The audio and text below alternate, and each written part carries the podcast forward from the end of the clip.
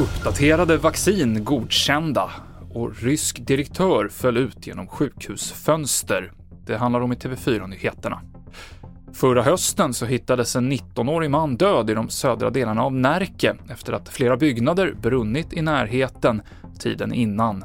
Nu så döms en 19-årig man för mord och mordbrand till 10 års fängelse. Från och med idag, 1 september, så rekommenderas alla över 65 år och personer i riskgrupp att ta en påfyllnadsdos covidvaccin. Den europeiska läkemedelsmyndigheten godkänner nu vaccin från Moderna och Pfizer-Biontech som är anpassade för nya varianter av omikron. FHM har tidigare sagt att det är viktigt att stärka covidskyddet så fort som möjligt eftersom det är oklart när Sverige kan få tillgång till uppdaterade vaccin. Läkemedelsverket håller pressträff om de nya vaccinvarianterna nu klockan 12 och vi sänder direkt på tv4.se. Imorgon så går piloterna vid det tyska flygbolaget Lufthansa ut i endagsstrejk och tusentals passagerare kommer påverkas, rapporterar Reuters.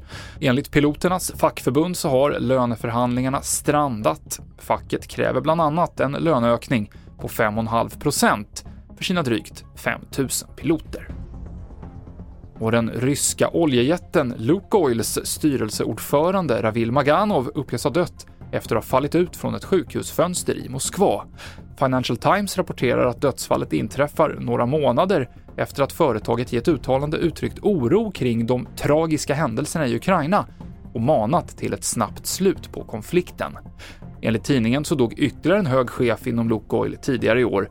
Han ska ha hittats död i en källare i ett hus utanför Moskva och det pågår en polisutredning. TV4-nyheterna i studion Mikael Klintevall.